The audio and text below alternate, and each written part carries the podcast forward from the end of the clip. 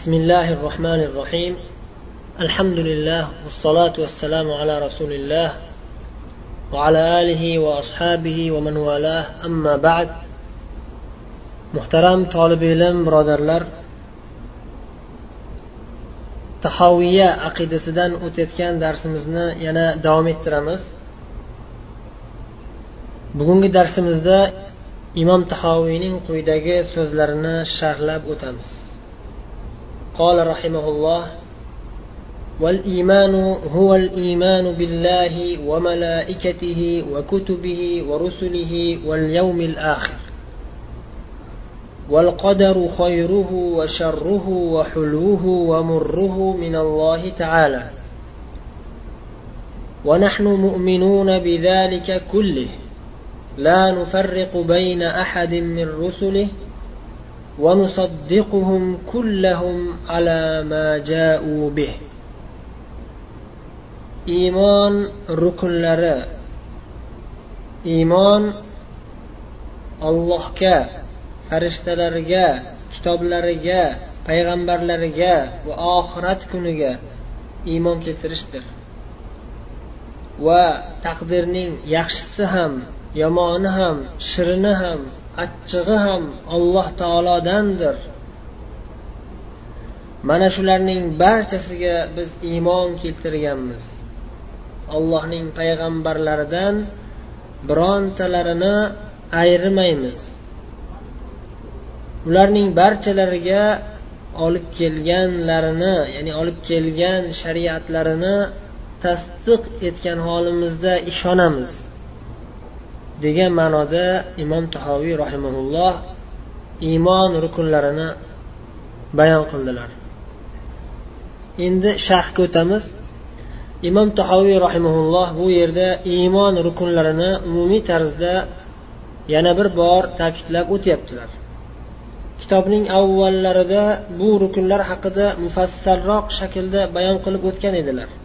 Biz ham o'tgan darslarimizda iymon rukunlari haqida alhamdulillah qurbimiz yetganicha sharhlab o'tdik.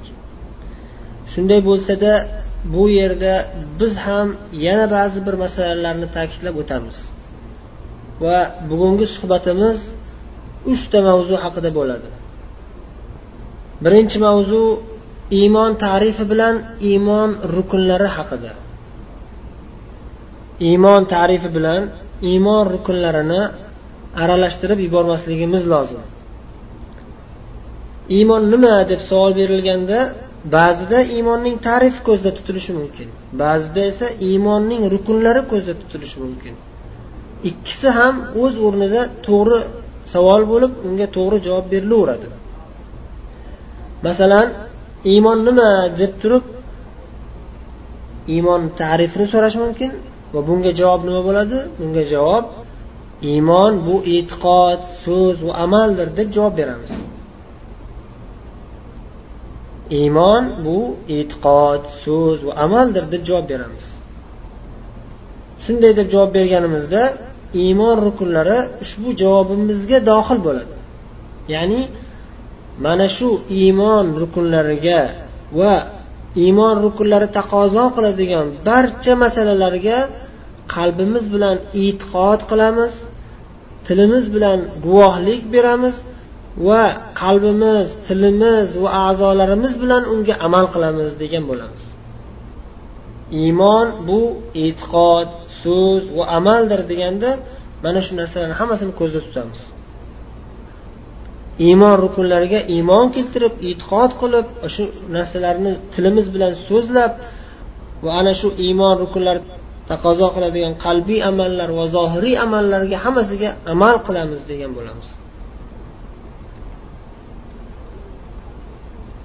Endi iymon nima deb savol berganda iymonning eng asosiy rukunlarini ko'zda tutilsa bu savolga javob nima bo'ladi? Iymon ya'ni iymon rukunlari bu ollohga iymon keltirish birinchi o'rinda. Birinchi rukun eng asosiy eng katta rukun barcha narsalarni qolgan barcha rukunlarni o'z ichiga oladigan rukun allohga iymon keltirish. Ikkinchi rukun maloikalarga uchinchisi kitoblariga to'rtinchisi payg'ambarlariga beshinchisi oxirat kuniga oltinchisi taqdirga taqdir ollohdan ekaniga iymon keltirishdir. Javob beramiz. Xuddi jabroil alayhissalom hadisida payg'ambarimiz sollallohu alayhi vasallam javob berganlaridek mana shunda iymon rukunlari ko'zda tutilgan. Iymon rukunlari oltita bo'lsa ham lekin iymon masalalari juda ko'p. Mana shu oltita iymon rukunlari qolgan barcha masalalarni o'z ichiga oladi. Qolgan barcha tafsilotlarni o'z ichiga oladi. Endi yana bu yerda bir nuqtaga ahamiyat berishimiz kerak.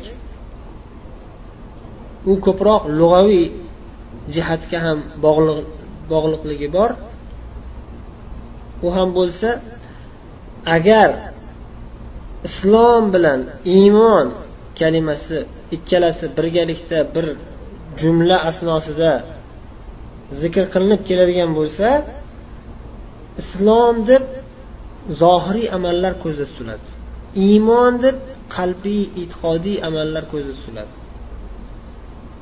Ammo bu ikki kalima har biri alohida alohida zikr qilinib keladigan bo'lsa bir jumlada emas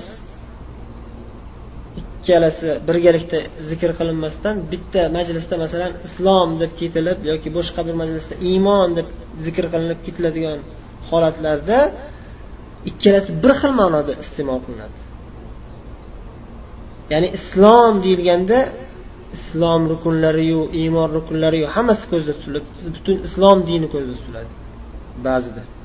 Ba'zida iymon deyilganda shu iymon degan kalima bilan butun islom rukunlari iymon rukunlari butun islom dini ko'zda tutilishi mumkin. Shunday iboralar keladi shariatda. Ya'ni dindan bo'lgan barcha islom dinidan bo'lgan barcha e'tiqodu so'zlaru amallar hammasi bitta kalima ostida zikr qilinib kelishi mumkin. Iboralarni qaysi o'rinda iste'mol qilinayotganidan o'zi ayon bo'ladi. Qaysi o'rinda iste'mol qilinsa nima ko'zda tutilayotgani o'zi o'sha jumlalar bilan birga ayon bo'ladi. Masalan shu jabroil alayhissalomning hadislarining oxirida payg'ambarimiz sallallohu alayhi vasallam aytdilarki bu jabroil edi sizlarga diningizni o'rgatish uchun sizlarga diningizni o'rgatish uchun keldi dedilar. Din deb aytdilar. Din deganlarida shu bitta kalimani ostida hamma ma'nolar ko'zda tutildi. Islom rukunlari iymon rukunlari ehson qiyomatga qiyomat alomatlariga iymon keltirish hammasi kirib ketdi. Xuddi shuningdek ba'zi bir o'rinlarda islom deb aytilsa hamma iymon masalalari ham ko'zda tutiladi. Misol uchun alloh taolo qur'oni karimda islom dedi. Ollohning huzurida din yagona maqbul din bu islomdir dedi. Ya'ni islom rukunlari iymon rukunlari va shularga taalluqli bo'lgan barcha diniy ahkomlar diniy e'tiqodlar hammasi kirib ketadi. Yana ba'zida iymon deb kelishi mumkin. Masalan rasululloh sollallohu alayhi vasallam hadisda sahobiylardan birlari nasihat qiling menga deb so'rab kelganlarida qul amantu billah dedilar.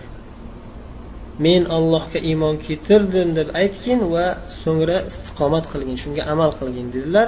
Sobit qadam turgin islom dedilar. Shu yerda iymon keltirdim deb aytgin deganda ya'ni butun islom dini hammasi ko'zda tutilgan.